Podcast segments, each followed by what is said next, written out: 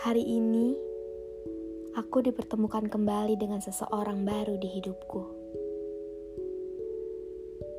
Semesta, kalau memang dia yang akan menjadi pengganti kesedihanku, menjadi kebahagiaan, tolong berilah alur cerita yang indah.